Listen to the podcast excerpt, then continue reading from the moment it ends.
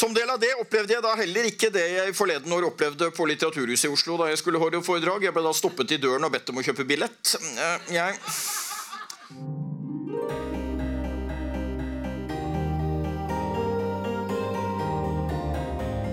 Boktips live. Krimspesial med Hans Olav Lahlum, Gard Sveen og Torkil Damhaug.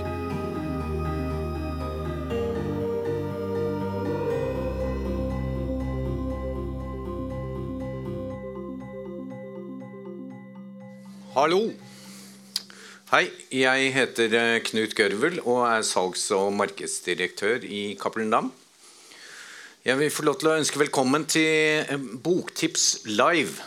Dette er første gang vi arrangerer det som heter Boktips live. Men nå skal vi altså ha et intervju som jeg snart introduserer, som vil gi han kjempejubel. Og så kommer Gard Sveen og Hans Olav Lahlum før det igjen blir musikk. Og musikken var da inspirert av lanseringen til Torkil Damhaus nye roman, som heter 'Se en annen vei'. Torkil er jo en av de få eh, som er i den eksklusive klubben at han har fått Riverton-prisen to ganger. Det er bare fem andre i Norge. altså Den beste krimromanen som han har blitt kåret til. Eller fått, som det heter. Eh, nå har han skrevet en, eh, en, eh, ny roman fra Budapest, som dere skjønte pga. musikken. Han eh, følte litt som jeg at det er jo mulig, selv om dere ikke er en hel bataljon, at dere kan juble enda litt mer hemningsløst når Torkil Damhaug kommer til scenen. Ta han godt imot.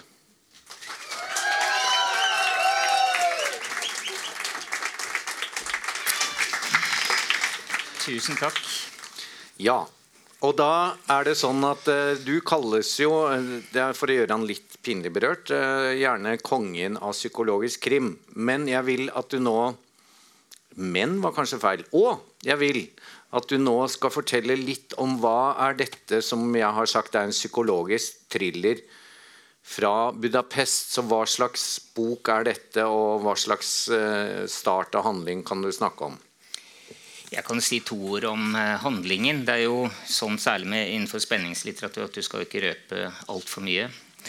Eh, særlig ikke det som skjer på slutten. Så det har jeg ikke tenkt å gjøre. Det må man lese boken for å få med seg.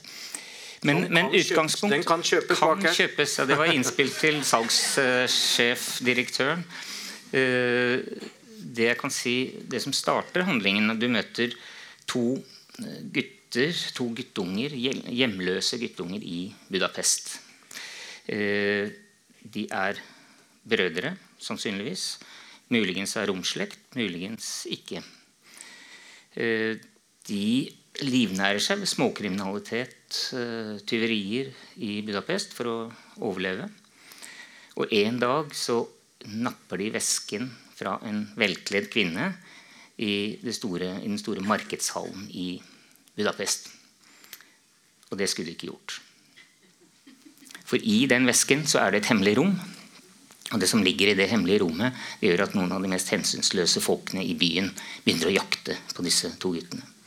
Den eldste han dør under dramatiske omstendigheter. Den yngste kommer seg vekk, stikker seg vekk unna, gjemmer seg rundt i byen. Fullstendig overlatt til seg selv.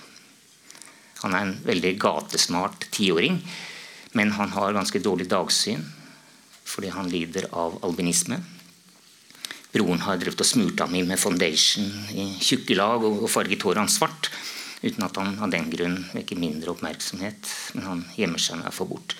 Det er den ene hovedlinjen i historien. Og så er det en annen. Det er Malene Glenne, en ung norsk jente, som for øvrig første gang i mitt forfatterskap dukket opp i boken 'Se meg Medusa' fra 2007. Da var hun en veslevoksen jentunge på ni år. Nå er hun 21 og studerer medisin i Budapest. Hun bærer på en, en mørk hemmelighet. Hun har drept noen. Hun har prøvd å fortelle det til sine nærmeste, men de har ikke villet høre på henne. Ved det som kanskje er en tilfeldighet, så blir altså den norske legestudenten hun blir involvert i denne jakten på guttungen som har stjålet vesken. Og som leser så skjønner du at når de møtes, og dette møtet kommer nærmere og nærmere, så kommer det til å bli veldig farlig. Og mye tyder på at det kan ende tragisk, men det vet dere jo ikke. Det skal dere få lov å lese selv. Nå har jeg fortalt så mye, Ja, Knut, at det, nå det er jeg veldig glad for, fordi det, dette er jo en ny og berusende lykkeopplevelse. Fordi jeg har intervjuet uh, Torkil både på lanseringen, men også for bokhandlere i, rundt om i Norge. Og hver gang så har han begynt å snakke om det som han skal snakke om nå.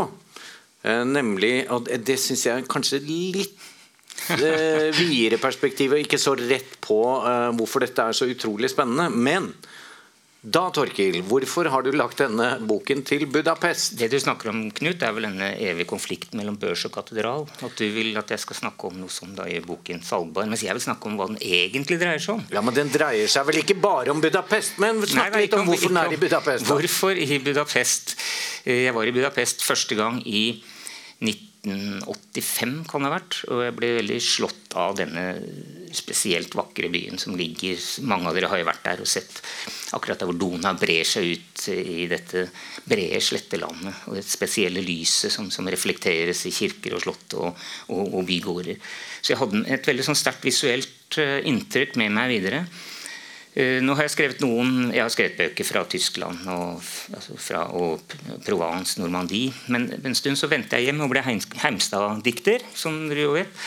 Skrev en del bøker fra det som eh, forlaget gjerne kaller de dype skogene på Romerike. Som jeg kaller Østmarka. Det, det, det var på en måte naturlig da, etter mange år, å skrive noe om hjemtraktene mine. Men så foran, foran denne boken så var det sånn Nå må jeg ut i verden igjen. Og da hadde jeg nok noe med meg fra Budapest. altså Det visuelle minnene om det. Men det er jo også sånn som dere jo også vet, at Budapest ligger jo Det er en misforståelse at Budapest er Øst-Europa. Budapest ligger midt i Europa. Og har jo da vært eh, knyttet til europeisk historie i all tid, i de tusen år Ungarn har eksistert. Eh, Landet har vært gjenstand for, for kriger, revolusjon, eh, opprør, frigjøringskriger. Og vært under kommunistisk diktatur og nazistisk diktatur. I 150 år, for noen hundre år under siden, så var det et muslimsk kalifat det ottomanske som, som regjerte i landet. Så hele denne europeiske historien er med, og når du går rundt i Budapest i dag, så er den fortsatt veldig synlig. For, så eh, kan du se kulehull etter opprøret i 1956 fortsatt i fasader i visse deler av byen. Så selv om dette ikke er en bok, Knut, det har jeg alltid lov til å si, det er ikke en bok om historie, ikke en, det er ikke en byguide, sånn det er ikke en, by, en byguide til Budapest. Men det er klart at skriver du fra et sted, så slår denne historien inn i skrivingen. Og det var også noe av hensikten ved å, ved å bevege meg dit. Eh, Du, eh, Også i denne boken så gjør du noe du har eh, gjort eh, i lang tid. Jeg sa vel ikke det, men jeg håper dere vet det at han pleier å bli glad for at man sier at han både er lege og psykiater. Og så forfatter. ikke sant? Så det er en, en mann som vet hva han snakker om. Og i denne boken også så har du brukt denne bakgrunnen fra legeyrket og til noen eh, oppsiktsvekkende skumle scener. Fortell litt om det. Ja, altså nå, nå skriver jo ikke jeg virkelighetslitteratur, og det, selv om det kan være fristende eh, mange ganger. Men da, det, er jo, det er jo sånn at denne, denne klassiske boken, eh, 'Mitt liv som søvnløs nevrotiker og genialforfatter', den er jo skrevet så mange ganger og fyller så mange hyller allerede, så, så det er liksom ikke veien å gå. Men, men som lege så har jeg gjort meg mange erfaringer selvfølgelig som er med inn i skrivingen min. Jeg bruker jo, som, som alle andre forfattere, fra mitt eget liv. Og det, det å være lege for meg det har jo bl.a. ført med seg at jeg har snakket med mennesker i veldig forskjellige livssituasjoner.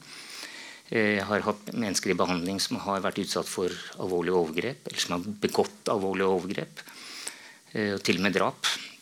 Og det er klart, Selv om jeg ikke taushetsplikten eh, ligger jo tungt der, og jeg kan ikke skrive om dette, men, men inntrykkene fra, fra samtaler som det har jeg også med meg inn i skrivingen. Når det gjelder Marlene Glenne, legestudenten i romanen, så, så bruker jeg nok livet mitt på ganske konkrete måter. Hva er det som gjør at et ungt menneske søker seg til medisinen som disiplin? Hvordan er det for første gang å stå og skjære i en død kropp for å studere menneskets anatomi. Da vi var studenter, Jeg studerte her i Oslo, og den gang så lå Anatomisk institutt på Karl Johan, i den gamle universitetsbygningen. Og da var det en oppgave for oss studenter for at vi skulle spare penger, at på rundgang så måtte vi opp på disseksjonssalen på kvelden og se til de døde og, og legemsdelene som lå der, før vi kunne slukke lyset og låse og, og gå hjem. Det er klart, For en forfatter in spe så satte jo det i gang eh, fantasier som jeg på et tidspunkt da kunne, kunne bruke. Ikke for å skrive en grøsser, men, men som en del av en erfaring med livet og døden.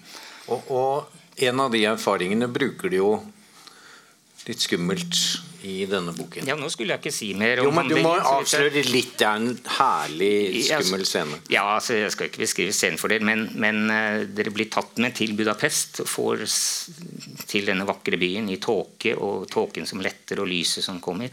Men dere må jo selvfølgelig også som leser være med opp trappen til Anatomisk institutt og disseksjonssalen på loftet. Det ligger også i en veldig gammel bygning i Budapest. Det ser ut som disseksjonssalene. Det ligger alltid litt sånn Frankenstein-aktige bygninger eh, rundt i Europa. Og på loftet, selvfølgelig. Og det er alltid mørkt når du skal dit som leser, iallfall i, i psykologiske thrillere. Og, og på researchen til denne boka så hadde du med deg din kone. og Ja, det, Knut, det, det trodde jeg ikke vi skulle vi ikke gå gjennom hele runden? Men, men, jeg Enda en vellykket tur med Jeg får kaste frem eh, dette som et slags sånn antireisetips. Fordi eh, kona mi hun har vært med på noen researchturer. Og så sa jeg da for noen år siden når, vi skulle, når jeg skulle ned dit for å gjøre research, at nå vil jeg gjerne at du skal bli med, så kan vi kombinere det med en romantisk weekend. Og jaha, sa hun uten noe veldig klar begeistring. Du har ikke tenkt det samme som sist gang da vi reiste rundt til disse bortgjemte bunkersen i Normandie og måtte studere hvordan de så ut innvendig. Nei, nei, nei, nei, nå er det Budapest, sa. Og det var ikke sånn heller, sier hun, som den gangen du tok meg med på reperbanen i Hamburg en, en hel ettermiddag kveld. Vi aldri rakk å spise verken lunsj eller middag. Nei, nei, nei, nå skal vi til Budapest. Og det kommer til å bli helt spesielt. Ja, ja, Hun var litt skeptisk, og ganske riktig. selvfølgelig. Det var jo daglange vandringer i de dystre bakgatene og mest nedslitte delene av byen vi oppsøkte. Toppet med en hel dag på disseksjonssalen på Anatomisk institutt. Så don't try this at home, med mindre du har en veldig overbærende og tålmodig kjæreste eller ektefelle, hvilket jeg har. Hennes reaksjon da vi kom hjem, var jo bare når skal du skrive den boken fra Maldivene som vi kan dra dit på ressurser? Og det, den står også på listen, da. Iallfall tilsynelatende. Jeg vet ikke hva du sier om det, Knut. Ja, det er sikkert bra. Vi kan samarbeide med Ving eller Thomas Cook. Fins det, finnes det, finnes det en disseksjonssal på Maldivene for øvrig? Neppe. Nei, så da Tar det på stranda der. Ja. Men du, eh, du som da tross alt som jeg skryter opp eh, er psykiater. Hvorfor i all verden er det sånn at så mange av oss har denne gleden ved å lese om disse vonde bøkene som du og dine krimkollega-forfattere skriver? Det, har du vel tenkt på? ja da, det har jeg tenkt på. Ja, Kan du få, få noen av de tankene ut her, da? syns du må stille litt mer presise spørsmål.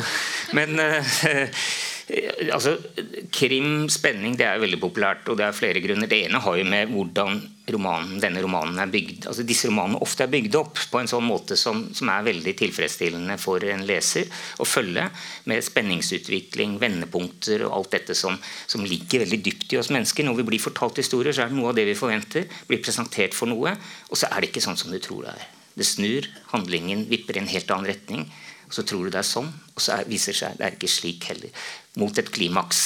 Og Hvis noen har lest litteraturhistorie her, eller litteraturvitenskap, så vet du at nå snakker jeg om den greske tragedien og eh, moderne krim. Bygd opp på samme måte. Så det ligger veldig dypt i oss å høre historier og engasjere oss i historier som er bygget opp på den måten.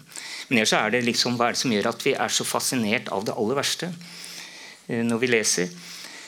Og Det kan nok være mange grunner, men, men siden du spør meg nå litt som psykiater det, Var det ikke det du gjorde? Jo. så, så har det nok kanskje, Hvis man skal se det i en eh, gjette eller spekulere noe i, i terapeutisk retning, så er det kanskje det at det å gå gjennom dine verste mareritt, angst, frykt for ting i en kontrollert sammenheng, det kan virke som en lettelse. Kan, da har du en opplevelse at du har kontroll. Du kan lukke boken når du vil, eller skru av, gå ut fra kinosalen eller skru av TV-en, om det er det det er. Eh, du, du, opplever det aller verste, men det er du som har kontrollen. Og Det tror jeg er en måte å oppleve, møte sin egen angst på, som kan faktisk da gjøre at du kan lære deg å takle den bedre. Så det er muligens det også. Ved siden av at mange, mange liker å, å, se hvor jævlig mennesker kan være. Av en eller annen grunn Fascinert ved det. Og hva ondskapen kan drive mennesker til. Det i seg selv er jo noe som aldri slutter å fascinere oss. Kanskje igjen også for å få en slags illusjon av kontroll med det. Eh, hvor opptatt var vi ikke av å prøve å forstå hva som skjedde etter altså den 22. juli 2011 hvor viktig var det ikke for oss eh, som nasjon å prøve å forstå hva denne ondskapen var? Vi kom ikke til bunnsiden, men den streben etter å forstå, der ligger det jo også et ønske om å ha en for, form for kontroll med den. Jo mer vi kan forstå. Det uforståelige kan vi ikke kontrollere. Og det er mye mer skremmende. Hvor mye tenker du altså, på leseren og sånn, sånn som dette når du skriver? Eller er det liksom bare der ramler det ut, eller har du denne strukturen og tenker på hva leserne vil ha? Nei, det, det, gjør jeg nok ikke. Det ønsker du i mye større grad ja, at jeg gjør. Jeg prøver å gi han noen råd. Nei, jeg, skriver, jeg, ønsker å skrive de bøkene eh, som jeg selv vil lese. Så, så jeg liksom, har vel en slags sånn kloning av meg selv som leser det der ute. 100 stykker. Heldigvis så fins det bare én for, for, verdens skyld. Men, men, men, eh, sånn at det å skrive bøker som jeg selv vil være fascinert av å lese, det er jo det. Og det, spør du forfattere, så vil jo mange svare noe i retning av det. Veldig få tenker på et sånt publikum, og nå skal jeg tilpasse det egentlig. For da blir det jo veldig flatt og kjedelig ofte. Så selv de som skriver si, ganske enkle intriger med et enkelt språk, de, de er jo fascinert av, av, det selv, vil jeg tenke. Uh, jeg skriver nok uh, har nok en tanke om at det jeg skriver, ikke er noe ren krim. Uh, og det er ikke så viktig for meg. eller Sjangre er nokså ubetydelige. Bortsett fra at det skal være en fortelling med disse overraskelsene og, og vendepunktene. Jeg tenker nok like mye at jeg skriver en psykologisk roman, samtidsroman. Hva skjer med mennesker i, eh, rundt oss når de, blir, når de, havner i uforutsigbare, kritiske situasjoner? Hva skjer med ens egen? Hva skjer i sinnet? Hva skjer med de nære relasjonene når de blir satt på prøve på den måten? på en måte som vi alle kan risikere å bli satt på prøve i en uforutsigbar verden. Og Der er det kanskje også noe fascinasjonen ved, særlig den psykologiske thrilleren dette kunne skjedd meg. Det kunne skjedd deg. Det kunne vært i mitt nabolag. Hvis dere da vil være i hans nabolag eh, når vi nå er ferdige om en halvtimes tid, så kan dere jo gå bort og ta på den eller snakke med den, eller kjøpe en bok og få signatur. Gi en kjempeapplaus til psykiater, lege og krimforfatter, kongen av psykologisk krim, Torkil Domhaug!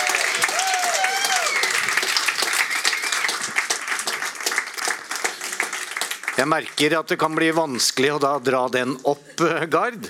Eh, men nå er vi klar for en som eh, også har fått Ikke komme opp før jeg liksom brøler deg opp, da.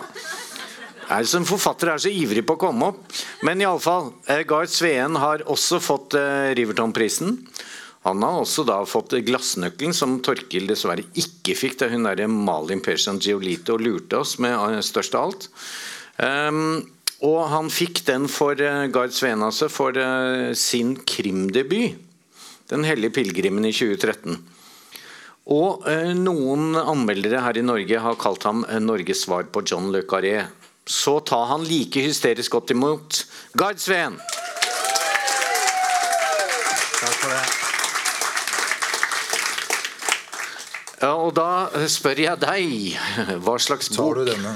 ja, tar du denne mannen? Tar du denne psykiateren til? Nei. Hva slags eh, bok er det du har skrevet? Ehm, det er vel ikke en psykologisk krim. Det er vel mer en eh, Hvis vi skal undersjangerbestemme den, så er det vel igjen en spionthriller. Eh, for å si det sånn, Jeg er jo veldig glad i den sjangeren. Jeg har jo jobba mange år i Forsvarsdepartementet, og da blir man litt yrkesskadd for å si det sånn. Så jeg tenkte at du si kort, litt sånn som Torkil nå klarte. Um, Bravo, Torkil.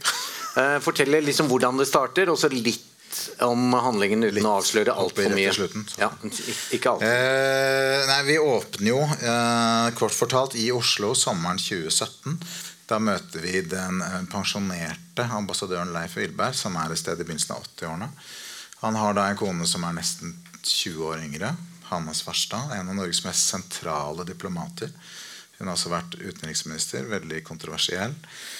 Eh, Dette er på sommeren. Eh, Han skal kjøre henne til Gardermoen, der hun skal delta i et møte i København. Eh, Dette er hemmelige fredsforhandlinger om et nytt Palestina-initiativ. Altså opprettelsen av en virkelig tostatlig løsning der nede. Han kjører henne til Gardermoen. Og dagen etter Han har en eller annen hva skal vi si, en eller annen vag anelse av at det er et eller annet galt i forholdet mellom oss. Så han klarer ikke helt å sette fingeren på det. Dagen etter så får han ikke tak i kona si. Hun pleier alltid å ringe dagen etter. Hun er søkk borte. Gått opp i røyk. Um, men han, uh, av ulike grunner, så tør han ikke å melde henne savnet. Så han drar heller på hytta, som de har avtalt. Tenker at dette, Hun dukker opp, hun kommer til å dukke opp. Så kjører han da ned Drammensveien. eh, Når han kommer til det gamle Rikstrygdeverket, Rikstrygdeverket, for de som er så gamle at de husker hvor det er, så går bilen hans i lufta. Det skjønner han sekundet før. At dette er akkurat en bilbombe som de lagde i Beirut på 80-tallet. Da han og Hanna møtte hverandre sommeren 1982. Så dette er en bok som veksler mellom to tidsnivåer. Sommeren 2017 og sommeren 1982 i Beirut. For hva skjedde der da?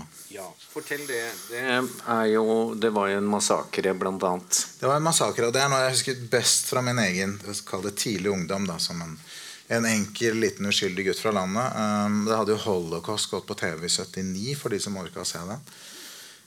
Og så tre år etterpå så invaderer jo Israel Libanon. Uh, og da er det jo mange nordmenn som jobber i Libanon på sykehuset. Det er diplomater, det er offiserer osv. Eh, og det, eh, dette baserer seg jo på en måte inspirert av virkelige hendelser. fordi at eh, Israel beleirer jo Beirut for å kaste PLO ut av Libanon, ut av Beirut. Og etter at, etter at eh, Yasir Arafat og hans PLO-krigere har dratt, så skjer det da en, en grusom massakre på sivile i Sabra og Shatila i september 1982. Og det var noe som gjorde utslettelig inntrykk på meg den gangen, og som jeg hadde lyst til å måte, basere en bok på. I og med at det også var så mange nordmenn der nede. Eh, og i fiksjonsverdenen verden så er jo da min mann, eh, politietterforsker Tommy Bergman, som da skal etterforske denne forsvinningen og dette attentatet. Han skjønner jo at her må han grave i fortiden. Eh, det var fem-seks sentrale nordmenn som var i Beirut den gangen. Han skjønner at løsningen ligger hos én eller flere av dem. Men du, du bruker eh, en virkelig tragedie og, setter dine personer inn i den, men bare nesten, for det er, det er ikke helt historisk korrekt, det, Det du ikke, gjør. nei, det er ikke historisk korrekt. Og det, er- sånn er det gjerne i fiksjonens verden. At du må jo jukse litt. Du kan, alt kan ikke være helt riktig. Da må du skrive sakprosa. Eh, og det er jo et helvete, for å si det rett ut. Det er, eh, noen tror at det er veldig mye research med å skrive fiksjon, men jeg har nå nesten skrevet ferdig en sakprosabok, og det er veldig mye jobb. Don't, don't do this at home, som heter. Uh, Husk at du har et liv ved siden. Uh, Men, uh, men igjen, det meste skal jo være riktig. Da. Og mitt problem er jo at jeg var jo 13 år i 1982 og var jo da naturlige årsaker heldigvis ikke Beirut. Så da må man jo lese selvfølgelig mye. Og man jo også da få hjelp av folk som var der. Og det en som jeg husker best fra min barndom, eh, ungdom, det er jo den legendariske Odd Karsten Tveit. Og han kan mye om dette. her. Vi husker alle han sto midt i gata mens israelerne skyter to meter fra hodet hans. En YouTube-video som eh, jeg viste til mine tenåringer i går. For de visste ikke hvem han var. Og de bare 'herregud, denne mannen er en legende'. Eh, Men han eh, og det kan jeg si, han var en som hjalp meg med denne boka. Men han leste aldri boka. Han, jeg sendte han noen spørsmål. i går, så gjorde I den jo går så leste han den boka, for da satt jeg hjemme og jobba med han, Så ringer plutselig telefonen. Og jeg tenkte litt, vært litt sånn bekymra for kanskje, og, kanskje han hater denne boka. Kanskje det er noe veldig gærent med den. Eh, og så ringer et ukjent mobilnummer, så tenker jeg det er sikkert bare en selger. Og så ringer han så sier han Hei, det er Odd Karsten. sier han. Eh, er du opptatt? Nei, nei. Eh, nå er jeg kommet til 123, og jeg storkoser meg. Da tenkte jeg takk, takk skal du ha. For nummer én Det er jo så sensitivt å skrive om altså Israel, Palestina, hele denne konflikten, spesielt denne massakren. Og det at du på en måte du blottlegger deg for en person som faktisk var en av de første som gikk inne i Sabra Shatila og telte opp, drepte og voldtatte, lemlestede småbarn med noen forferdelig grusomme scener, som også er gjengitt i boka.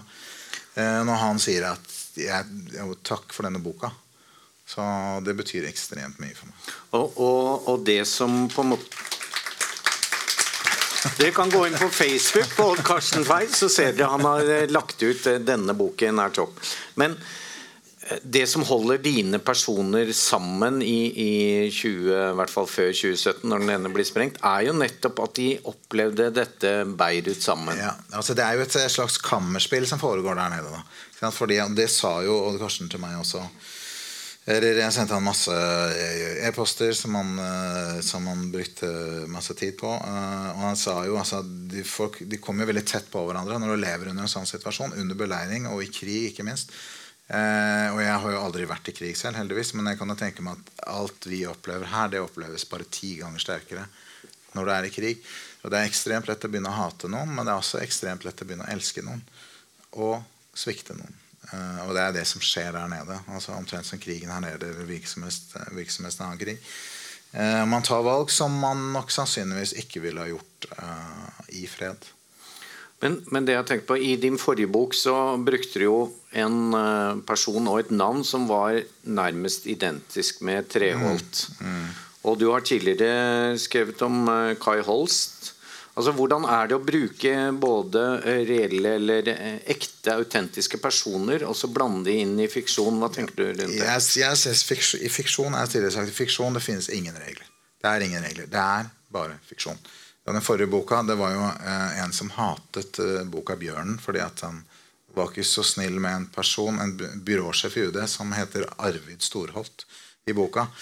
Uh, men, uh, det var ikke så vanskelig å skjønne at det var noe med Treholt men igjen, men igjen Storholt i den boka er mye verre enn det Treholt var i virkeligheten. Men jeg har altså tenkt, jeg aldri snakka med Arne Treholt, kanskje kommer jeg til å gjøre det en gang, men jeg har tenkt at han skjønner at dette er fiksjon. Og Det samme sa jo Odd Karsten til meg. Jeg har skrevet et etterord og jeg sier at ingen Overhodet ikke noe relasjon til virkelige personer, noe som vel sannsynligvis ikke er helt sant.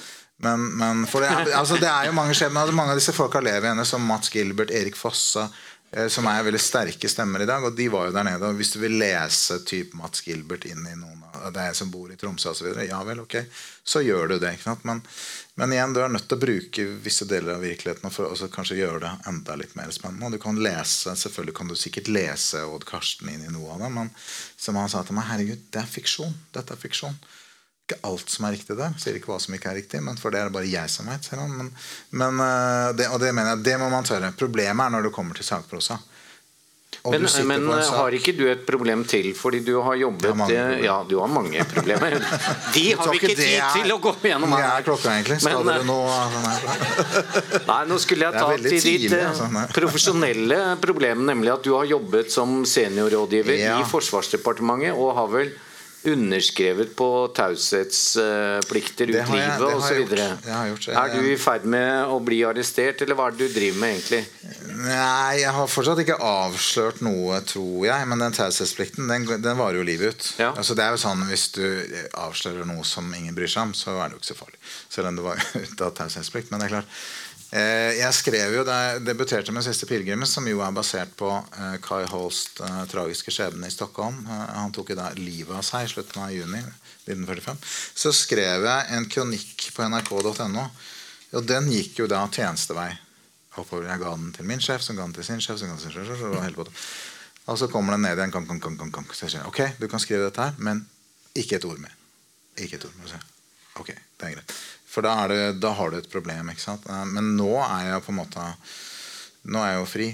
Uh, men jeg kan jo fortsatt ikke fortelle om ting Nei, Og hvis du har lest spionromaner som dine egne, så vet du at mange, ting kan jo skje etter at man er ferdig. Ja, ting kanskje, og etter at du har slutta en sånn jobb, så begynner du kanskje å skjønne at Hei sann. Altså, hvis sjefen ga deg et råd om å være litt på vakt mot mm.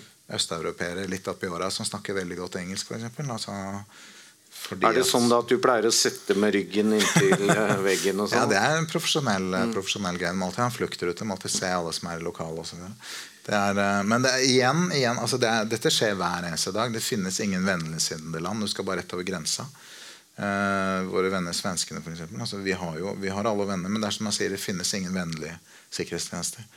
Jeg håper vi også spionerer litt på andre. Da. Så deilig å høre en sånn paranoid verden. Bare til slutt. Eh, det er jo noen som eh, sammenligner deg med sånn som eh, John Le Carré og litt Ken Follett. Hva tenker du rundt det? Nei, bare det er jo holdt jeg på å si I'm not Ganske hva- riktig. Hva det, det heter i Waynes World. I'm not, I'm not worthy. Men nei, altså, Le Carré er jo selvfølgelig Det er jo gullstandarden for enhver som skriver innenfor den Men det er en roman som minner om denne. Ja, det er eh, Hva heter den for noe? Little Drummer Girl? Vel? Piken med trommestikkene, trommestikkene, eller ja. Eh, og det også er spesielt, for han var jo der nede på den tida da Odd Karsten var der. Var, var jo der i mange år, Men Le Carré reiste rundt med en britisk kvinnelig journalist. Og de innledet vel et forhold også, tror jeg. Så det er liksom her er det mye, mye å gripe fatt i. Men det er klart det i hele at noen skriver sam, Sammenligne litt med, med de der to mesterne, er jo vanvittig inspirerende, selvfølgelig. Så da foreslår jeg at dere gir kjempeapplaus til Norges svar på John Le Carré. Takk, takk.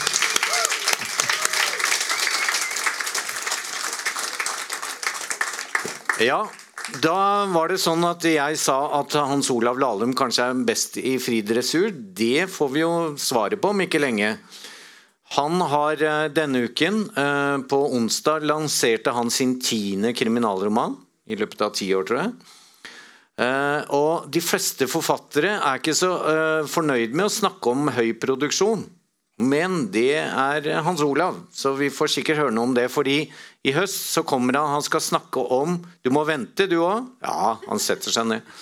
Eh, med, eh, han, kommer altså, eller han kom på onsdag med 'Avklaringene', en eh, frittstående krimroman. Og så kommer han om eh, ca. fire uker med biografien om Reiulf Steen. Og han kan jo ikke si altfor mye, for dere må heller komme tilbake på lanseringen av den. Men um, han skal gi, gi oss noen få avsløringer. Og uh, redaktøren hans her på huset sa utrolig inspirerende for de av oss som liker sånt, at denne biografien om Reiulf Steen får konflikten om, uh, og med Trond Giske til å se ut som en liten uoverensstemmelse i et lokallag. Ta godt imot Hans Olav Lahlum.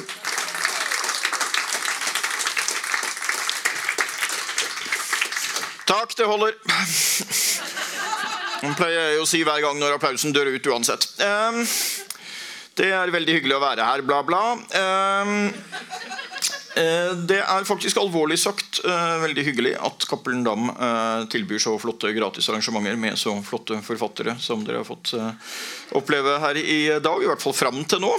Ehm, så det syns jeg vel på sett og vis fortjener en liten applaus, egentlig. Takk, takk. Som del av det opplevde jeg da heller ikke det jeg forleden år opplevde på Litteraturhuset i Oslo da jeg skulle holde foredrag. Jeg ble da stoppet i døren og bedt om å kjøpe billett. Eh, Jeg, jeg prøvde å forklare at jeg trodde jeg skulle ha gratis inngang til dette arrangementet. Det endte da med at billettvakten fant frem en liste over folk som hadde gratis inngang fordi de kom sammen med Hans Olav Lahlum. Eh, Men eh, tro det eller ei, navnet mitt sto ikke på listen. Og det endte dessverre med den mest arrogante opplevelsen i mitt forfatterliv så langt. Da denne billettvakten til slutt spurte er du sikker på at du er med noen, og jeg svarte at jeg er helt sikker på at jeg er noen. Eh, så slik. Men eh, nå er det jo sånn at eh, jeg har jo ikke fått noen Riverton-pris, men til gjengjeld så er jeg jo da, tilhører jeg jo da ikke denne gruppen av forfattere som bare kommer med én bok i året, og som jeg ikke skjønner at forlaget stadig vekk driver og satser så mye på. Når det er sagt, så har de som har vært på scenen i dag, skrevet eh, aldeles fremragende eh, bøker. Jeg har ikke fått lest de fra i høst ennå, for jeg har vært opptatt med Raul men eh, jeg har de liggende i en sånn stor bunke til jeg nå får sendt Raul i trykken. Jeg skal si litt om Raul først. Men nå var det jo eh, som Gard her Når jeg hørte på Gard, så tenkte jeg jo på den der litt kleine situasjonen fra en eller annen tilstelning hvor en av representantene for Etterretningstjenesten da fikk spørsmålet hvordan er det å ha taushetsplikt, kan du fortelle litt om det? Eh, og det er vel da eh, der Gard er på en måte, og der jeg er på en annen måte nå. da eh, I og med at det da er tre-fire uker igjen til Raul Steen-biografien kommer og blir lansert. 23.10 er det stor lansering på Youngstorget, hvor folk er velkomne. Og jeg må jo da være veldig forsiktig med hva jeg eh, sier foreløpig, fordi det kan være paparazzier på de merkeligste steder, eller folk som kjenner noen i pressen og den type ting. Det har vært en spennende reise. Den har vart ti år hvis man eh, ser på når jeg begynte å skrive. Den har vart ni måneder hvis man ser på når jeg i realiteten begynte å skrive. Det kan jo være ulike definisjoner, men Rauf Steen er jo en litt sånn ikonisk skikkelse. Partiformann i Arbeiderpartiet i seks år, i en veldig turbulent periode. Et veldig omstridt og mye omtalt forhold eh, til Gro Harlem Brundtland, i hvert fall politisk. Hvordan det var med personlige forholdet, får vi også høre mer om i eh, boken. Eh, en ganske eventyrlig historie, litt sånn klassisk med fattiggutten eh, fra arbeiderklassen. eh, mistet faren tidlig. Eh, som gikk hele veien opp og begeistret og sjarmerte nær sagt alle. Og ble, eh, ble partiformann for Norges største parti. En litt sånn Bill Clinton på norskaktig historie. på sett og vis Så ble han aldri verken president i USA eller statsminister i Norge. Og det var et liv med mange oppturer, samtidig et liv med mange nedturer. Så det er jo da blitt tittelen 'Triumfene og tragediene' eh, på denne boken. Og jeg tror nok at ja, Det er en bok som kommer til å få veldig mye oppmerksomhet når den kommer. Det er forhåpentligvis en bok som kommer til å uh, gi noe ny innsikt både om sentrale aktører fra den perioden og om uh, hele så å si det politiske Norge og Arbeiderpartiet i uh, den aktuelle perioden. Vi er jo da på fra midten av 60-tallet og fram til slutten av 80-tallet, egentlig. Det er en bok som mange har gleda seg til at skal komme, og som noen har grua seg til at skal komme. Dette ble jo for så vidt godt illustrert da jeg ringte en av de gjenlevende partiveteranene fra den gang for å fortelle at Raul Steen-biografien omsider er like rundt hjørnet, og hans spontane reaksjon var 'uff da'. Eh, Han skal ha en stor takk fordi han ikke la på røret, men likevel fortsatte med å svare på spørsmål. Jeg har da intervjuet over 100 ulike eh, aktører eh, fra perioden. Og kombinert journalistisk og historisk metode. Og tror at det er den beste biografien jeg har skrevet eh, til nå. Men eh, om det er det, får vi jo se. Det er jo like spennende hver gang. Jeg pleier å si at eh, det å være forfatter og fullføre et bokprosjekt På en måte er det litt sånn maratonløp. Du løper og løper, og løper Og så ser du endelig mål i sikte, og så må du spurte når du begynner å nærme deg mål. i tillegg Etter å ha løpt veldig lenge. Og Det var jo da jeg hadde langrennsløperen Astrid Unholt Jacobsen som rådgiver på noen av mine tidligere romaner, at jeg at jeg begynte å reflektere over likhetene mellom et bokprosjekt, enten det er en historisk bok eller eh, romaner, så er det en del likheter til et langdistanseløp i langrenn. Hvor du, liksom, du vet hvor du starter, du vet hvor du skal i mål. Det handler om å gjøre det best mulig på distansen mellom, og der skjer det stadig uforutsette ting. Og du har en plan fra start med hvordan du skal legge opp tempoet også. Skal man starte veldig raskt og så bremse ned litt og så gire opp på slutten? Eller skal man ha sånn jevnt stigende spenningskurve? eller hva vil man gjøre? Og veldig ofte så må man improvisere, og det skjer diverse uforutsette ting. Men akkurat innspurten, som nå når man står der med en bok som er i ferd med å komme, så minner det egentlig ikke så mye om et langdistanseløp i, i langrenn eller om en maraton, men egentlig mer om skihopp, altså. Du står der øverst på kanten og ser ned. Det er fryktelig langt og fryktelig skummelt og veldig pinlig hvis du faller på hoppkanten. Potensielt farlig hvis du gjør det. Og så er det veldig mange jublende mennesker der nede som sitter og vinker til deg. Og så er det sånn Klarer jeg dette her, da? Eh, Og den følelsen har jeg egentlig på begge bokprosjektene nå. Nå har jeg på en eh, forhåpentligvis elegant måte snakka meg rundt og avsløre noe som helst om Raul Steen-biografien. Eh, og det er slik det i øyeblikket må være. Men jeg har grunn til å tro at det vil komme behørig omtale av den når den eh, kommer. Og det blir som sagt en åpen lansering der også 23.10. Jeg tror det er eh, det jeg våger å si i eh, denne omgang. Jeg er litt sånn spent på det, fordi eh, Raul ble jo veldig omtalt pga. presselekkasjer på et tidspunkt med denne edderkoppsaken og møbelhandleren og alt dette her. Så jeg sitter jo nå liksom og tenker at vi kan jo ikke utgi en Raul Steen-biografi uten at det kommer en saftig presselekkasje av et eller annet slag. Men enn så lenge har den ikke kommet, og nå er det noen uker igjen, så vi får da håpe at jeg har vært litt heldigere med medarbeiderne mine enn det han var i det tilfellet. Eh, Da skal jeg snakke videre om romanen 'Avklaringene', som eh, kom eh, i forgårs her. Og der er det litt sånn at Når du er krimforfatter og skriver bøker i en serie, som noen gjør og noen ikke gjør Noen à la Torkil bytter jo nesten hele persongalleriet, i hvert fall fra bok til bok, og i hvert fall hovedpersonene. Andre av oss skriver jo da særlig serier. og det er Det var en litt sånn komisk episode, eller en veldig spydig kommentar. egentlig. På slutten av 1800-tallet så var det en anmelder som skrev om en av USAs ledende eh, romanforfattere at du kan nå gratuleres med et stort jubileum. Du har skrevet samme roman om igjen for 100. gang. Um, og det fins de som har eh, oppnådd veldig høye salgstall med det. Han der Perry Mason-forfatteren for eksempel, skrev jo stort sett samme roman om igjen 50 ganger og ble USAs mest solgte romanforfatter så langt. Um, men det er litt sånn å hoppe fra et stupetårn når du skriver en romanserie. Du vet uh, hvor stupetårnet står, og du vet hvordan farvannet under er. Du vet omtrent hvordan uh, hoppet kommer til å bli, og, og, hvor mye applaus du får. og sånt. Så er det spennende da av og til å hoppe uten stupebrett og så å si uten tvangstrøye og gjøre noe helt nytt. Og det skal jeg da gjøre i år, etter at det da har gått uventet bra med denne klassiske serien med K2 og Patricia. Som ikke er slutt. Det vil etter alt å dømme komme en ny bok i serien uh, neste år hvor jeg kanskje skal bevege meg litt inn på Guides enemerker også, men det er en annen uh, historie som vi får ta neste år. Jeg har bare så vidt begynt å skrive der. uh, men uh, avklaringene, ja. årets roman. Mm, den er noe helt annet. Og jeg tror at jeg skal begynne med å lese ca. halvannet minutt. Jeg skal lese fra startscenen. Jeg kan nevne at boken er tilegnet til Olav og Olav, som jo høres litt mystisk ut. det er det da også. Boken er delt i fem. Del én heter 'Sjokket', og jeg skal lese kort starten fra den. Det kan skje noen svært få ganger i løpet av et menneskes liv. At man plutselig får en kort, uventet og dramatisk beskjed som man forstår at vil endre alt, men uten at man ennå aner hvordan livet vil bli etterpå. Det skjedde meg for første gang tirsdag 14.8.2012, nøyaktig klokken 23 om kvelden. Sjokkbeskjeden traff meg mens jeg satt alene hjemme i min lille studentleilighet på Majorstuen i Oslo. Jeg hadde vært på et introduksjonskurs på universitetet hele dagen og var småsliten før kvelden startet. Humøret ble ikke bedre at jeg fikk to telefoner som begge visste å være fra påståelige telefonselgere. Fra rundt 22 satt jeg småfrustrert i sofaen og leste høstens første pensumartikler. En time senere ringte telefonen for tredje gang. Og igjen fra et nummer som ikke sto på kontaktlisten min. Jeg er Vegard, men klokken er 23. Hva er det nå, da? sa jeg idet jeg tok telefonen. Det ble stille i telefonen et sekund eller to så hørte jeg et lavt sukk. Jeg rakk så vidt å tenke at det var en kvinne, og at dette gjaldt noe mye mer alvorlig enn telefonsalg, før hun begynte å snakke. Dette er vakthavende lege Elisabeth Andersen fra Hamar sykehus. Jeg beklager å måtte fortelle at din far er brakt hit med ambulanse og er alvorlig skadet etter en trafikkulykke.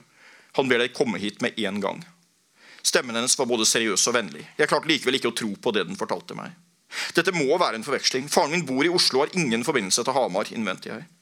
Det er nok dessverre ingen forveksling. Han sa navnet og nummeret ditt på ulykkesstedet. Det er meldinger både til og fra deg på mobiltelefonen hans. Og du står oppført som eneste pårørende på et kort i lommeboken hans. Pasienten vår heter Harald Hansen og er født i 1966, er omtrent 1,85 høy og middels kraftig bygget, med mørkt hår og kort skjegg. Fortsatte hun. Alt sammen stemte. Det føltes uvirkelig. Jeg ventet å våkne hvert øyeblikk, men ble bare sittende der forvirret med telefonen. Hva i all verden har skjedd? Hvor alvorlig skadet er han? spurte jeg. Han er blitt påkjørt på en skogsvei ved Tangen, knapt 30 km sør for Hamar. Men hvem som kjørte og nøyaktig hva som skjedde, er det politiets oppgave å finne ut av. Legen tidde noen få sekunder før hun svarte på hvor alvorlig det var. Det var akkurat lenge nok til at jeg forsto sannheten før hun sa den. Skadene er dødelige, dessverre. Faren din kan i beste fall overleve et par timer til og driver ut og inn av bevissthet. Han gjentok flere ganger at han måtte få fortalt deg noe svært viktig. Jeg avsluttet samtalen uten å si takk og vaklet et øyeblikk på bena ved stuebordet. Så løp jeg. Far hadde tilbudt meg både førerkort og bil i gave til 18-årsdagen, men jeg hadde bedt om å få vente med den storslåtte gave noen år. Jeg hadde bestått oppkjøringen uten anmerkninger på min 22-årsdag en uke tidligere og kjøpt min første bil sammen med far samme ettermiddag. Men nå bommet jeg to ganger på bildøren da jeg forsøkte å åpne den. Etter det våget jeg ikke å sette meg bak rattet. I stedet løp jeg videre til en taxiholdeplass noen hundre meter nede i veien. Jeg så knapt på sjåføren og ba ham kjøre meg til Hamar sykehus så fort som mulig. Han tok hintet og la seg i overkant av fartsgrensen uten å gjøre noe forsøk på å føre en samtale. Mens vi suste av gårde mot Hamar i kveldsmørket, ble jeg sittende i baksetet alene med én telefon og mange spørsmål. Telefonen ga meg ikke svar på noen av dem. Jeg fattet ved Lillestrøm et lite håp om at det kunne være en eller annen absurd spøk, men den forsvant da nummeret jeg ble oppringt fra, sto registrert på Hamar sykehus. Senere bladde jeg gjennom innboksen fire ganger uten å finne noen ny melding fra far. Meldingen han skulle sendt meg i dag, den som kanskje kunne forklart meg alt sammen, var aldri blitt sendt. Gratulerer med dagen og lappen, ses hos spillforhandleren klokken 16, forble fars siste tekstmelding til meg. Den var blitt en uke gammel. Jeg hadde heldigvis sendt ham en melding tilbake og sagt tusen takk igjen for bilen noen timer senere. Men etter det hadde jeg verken sendt ham noen melding eller ringt ham. På telefonen min lå det lagret åtte tekstmeldinger fra far og fem jeg hadde sendt til ham. Ingen av dem var mer enn to setninger lange. Det slo meg mens jeg satt der at jeg i kveld var i ferd med å miste en far som, jeg, som alltid hadde vært der for meg, men som jeg likevel aldri hadde blitt riktig kjent med. Det var ingenting spennende i noen av tekstmeldingene jeg hadde lagret fra far. Samtalene våre hadde sjelden vært spennende, de heller. Jeg hadde kranglet utallige ganger med mor, men etter hva jeg kunne huske, aldri med far. Slik starter da eh, romanen 'Avklaringene'. og Det går direkte på et av de store allmennmenneskelige temaene som berører mennesker i alle samfunn i historien og alle land i verden i dag, nemlig behovet for avklaringer i kritiske situasjoner. Det være seg i en jobbsituasjon, det være seg i privatliv og relasjoner, det være seg i nærhet til eh, foreldre og barn osv. Man kommer til et stadie hvor man trenger en slags avklaring. Jeg kommer til å tenke på en veldig trist og dramatisk hendelse fra for en del år siden. Det var en eh, bekjent av en bekjent av meg, tror jeg vi må kalle henne, som på veldig tragisk vis mistet sin sønn. Han hadde vært narkoman i veldig mange år og døde til slutt av en overdose. Og moren sa da han døde at det er fælt å si det, men det var en lettelse. Og Det er jo helt fælt å si det, men det er veldig lett å forstå det. Eh, fordi det hadde da vært 15 år hvor hele familien kretsa rundt han, og han forsvant opp og, opp og inn, ut og inn. og Noen ganger var han i fengsel, og noen ganger var han hjemme, og noen ganger trodde man det gikk bra. Og Så kom det stadig tilbakefall, og, man, og, og, det var umulig å leve med den uavklarte situasjonen man hadde, som i det tilfellet fikk en dypt tragisk avklaring eh, til eh, slutt. Eh, det er vel ikke så mye overraskelse ut fra starten at eh, jeg-personen Vegard i eh, denne romanen mister faren. faren Faren dør før han rekker frem til sykehuset, og faren fikk aldri sagt hva det var han ønsket å si. Og Han blir stående med de store spørsmålene. For det første, hvem, Hva skjedde da faren min døde? Hvorfor i all verden, når han ikke hadde noen tilknytning til Hamar, og dessuten var en ekstremt forsiktig sjåfør, hvorfor i all verden kjørte han til Hamar uten å ha sagt at han skulle dit, sto i veikanten og ble kjørt ned av en bilist som så forsvant? Var det en ekstremt merkelig ulykke? Var det et selvmord, eller var det et mord? Hva skjedde da faren min døde? Og Det andre og mer grunnleggende spørsmålet her blir jo da hvem var faren min? Og Det tror jeg er en situasjon som veldig mange unge mennesker særlig vil kjenne seg igjen i. Hvor mye vet man egentlig om foreldrene? Og Det er her den ene av de to Olavene boken er tilegnet til, kommer inn i bildet. Den ene av Olavene som jeg da er oppkalt etter, var min morfar Olav Åndal. En oppkomling fra Nordmøre som gjorde karriere i Nordland og eh, nådde for familien nytt høydepunkt ved å bli lærer på en lærerskole. Eh, og tilhørte den lokale sosieteten, og som da døde seks år før jeg eh, ble født. Eh, han døde tidlig og plutselig. Min mor var bare så vidt over 20 da faren døde, og hun sier jo i ettertid at jeg kjente ham jo egentlig ikke. Jeg hadde bodd sammen med han hele livet. Jeg visste hvor han jobba. Ja, jeg visste diverse uvesentlige ting om han. Men eksempel, hva han hadde gjort før han dukket opp der, og før disse barna ble født. Hvorfor i all verden hadde han ingen kontakt med familien sin på Nordmøre? så å si? Samtidig som han fikk veldig sterke følelsesutbrudd da han fikk melding om at den ene broren var død. Eh, det er sånne ting man da eh, ikke fikk svar på. Det er ingen grunn til å tro at det var noe kriminelt i min morfars fortid, men det var likevel en mystisk skikkelse i familien som jeg aldri fikk møtt, og som litt stimulerte min hukommelse. Eh, det alle har lurt på nå, er jo selvfølgelig hvor i all verden kommer Olav Duun inn i dette her. Og Det er et veldig godt spørsmål. Eh, Olav Duun var en av de store norske forfatterne i mellomkrigstiden. Var én stemme unna å få nobelprisen i 1926 for, for året 1925. Um, og Det ble en viss ståhei om han for noen år siden, fordi Dag Solstad nevnte Olaf Duun som eksempel på en totalt utdatert forfatter som ikke har noen relevans for vår tid. Det er jeg totalt uenig i. Jeg syns at Olav Duun har veldig stor relevans for vår tid. Så Som oppladning til denne romanen så leste jeg seks Olaf Duun-romaner. Og noterte alle disse aforismene, altså sånne korte, spissformulerte formuleringer som fortsatt kan ha relevans for vår tid. Det viser seg jo da i romanen at i fortiden til faren, den avdøde faren til Vegard så lå det ganske riktig et krimmysterium. Faren hadde vært på en hyttetur da han var 20 år, hvor en av de andre som var med, ble funnet drept.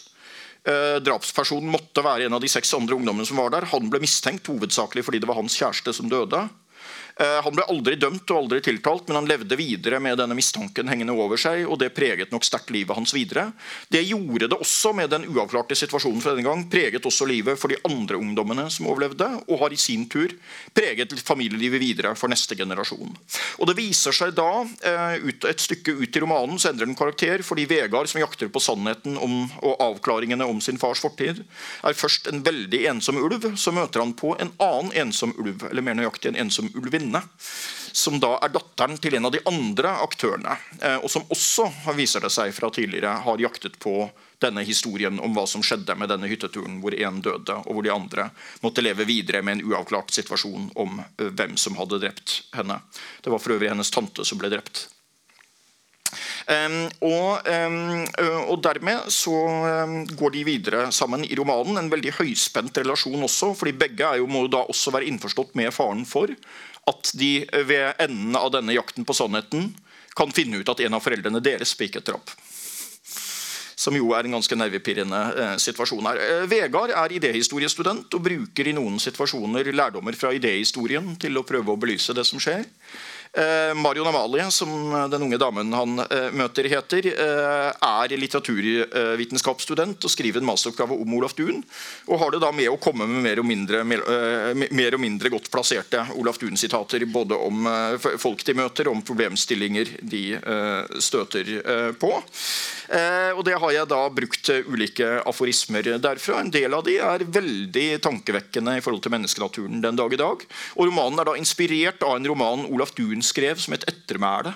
Som nå er 85 år gammel, men som fortsatt er veldig godt uh, lesverdig. Jeg skal ikke slippe ut for mange av uh, disse aforismene, men er, de er samla opp i etterordet for øvrig også. Men det er mye relevant der. Jeg skal kanskje nevne kort et sitat jeg også har brukt i en annen roman til fra Loftun. Tida går, forteller deg, men det er vi som går. Tida blir liggende av to, og lat henne ligge som på et tidspunkt kommer opp som et sånn tankevekkende alternativ her. Er det bedre å ikke søke avklaringen, eller er det bedre å søke avklaringen? Og vil du egentlig vite alt om foreldrene dine?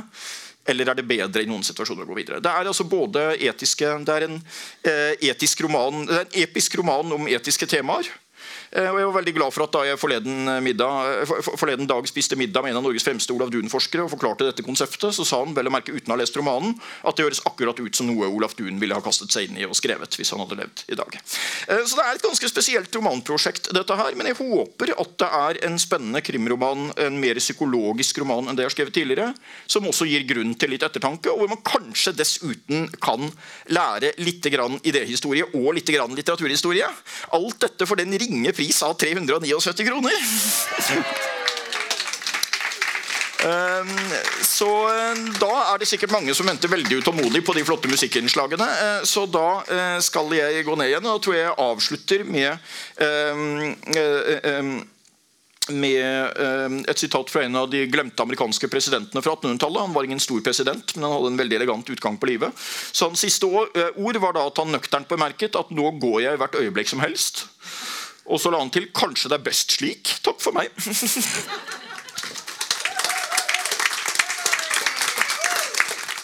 eh, Torkil Damhaug eh, han har gitt ut en eh, fantastisk spennende psykologisk thriller fra Budapest. Og da han for et par uker siden eh, ville ha lanseringsfest i Lillestrøm, så ville han bestemme musikken. Og jeg var litt skeptisk. Eh, fordi ja, men har vi råd til det, og er det verdt det, og du er mer enn nok i deg selv, og alt sånne pengeting, tenkte jeg. Eh, men så sa han jeg må ha musikk som kler den boken, som er altså fra Budapest og sigøynerinspirert. Og så var den musikken så fantastisk bra at jeg tenkte at eh, dere også måtte få oppleve den. Så her kommer den samme gjengen. Solfrid Moland Trio, ta dem godt imot. Da skal vi avslutte med den romske nasjonalsangen. Fredsforsker Johan Galtung. Det var han som etablerte PRIO fredsforskningssenter eh, her i Oslo. Eh, han etablerte vel det første freds, eh, det, fredsinstituttet i, i verden. Han fortalte at han en dag fikk et brev fra generalsekretæren i Verdens Roma. Og der sto det Jeg er leder av et folk på 15 millioner mennesker. Vi har ikke noe eget land, og vi har aldri vært i krig. Hva mer kan vi gjøre for verdensfreden?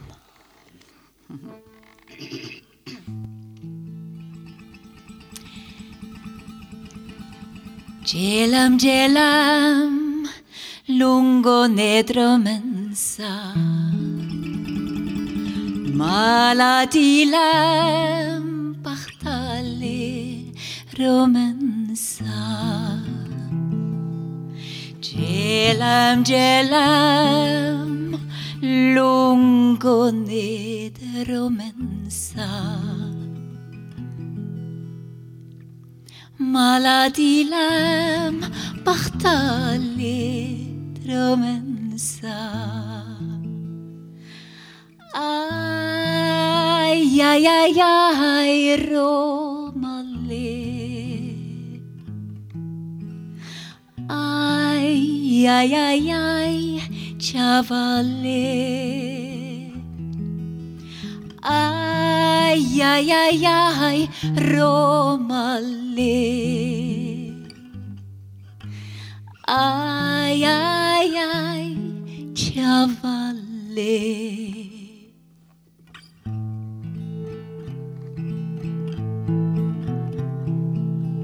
Ai vi mansas tu bari familia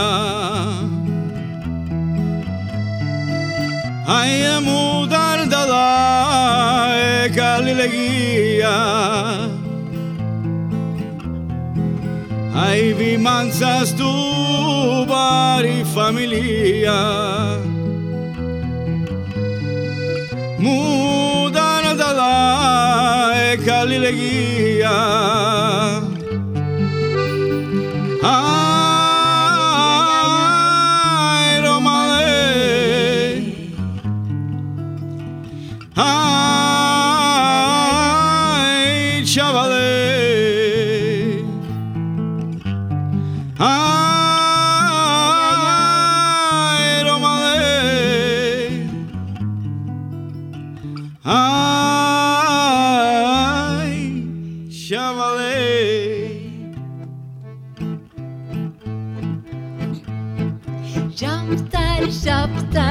Rera mensa Maladila, bartalera mensa Japtar, sjaptar, rera mensa Maladila, bartalera mensa la la la la la la la la la La la la la la la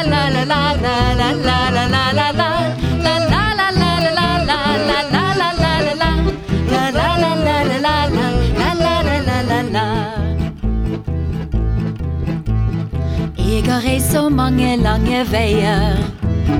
Mange glade rom har jeg møtt. Kjære unge, voksne, barn og gamle. Til et liv på veien jeg født. Ai, ai, romale. Ai, ai, ai, chavale. Ai, ai, romale. Ai, ai, chavale. Og bli med. La, la, la, la, la, la, la, la, la.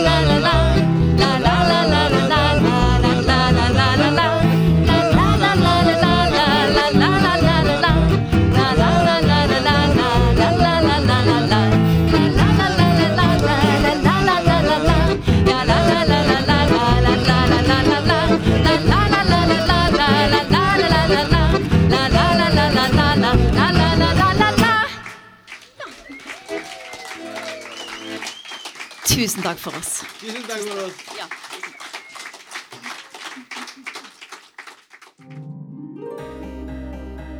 Boktips, en podkast fra Cappelen Dam.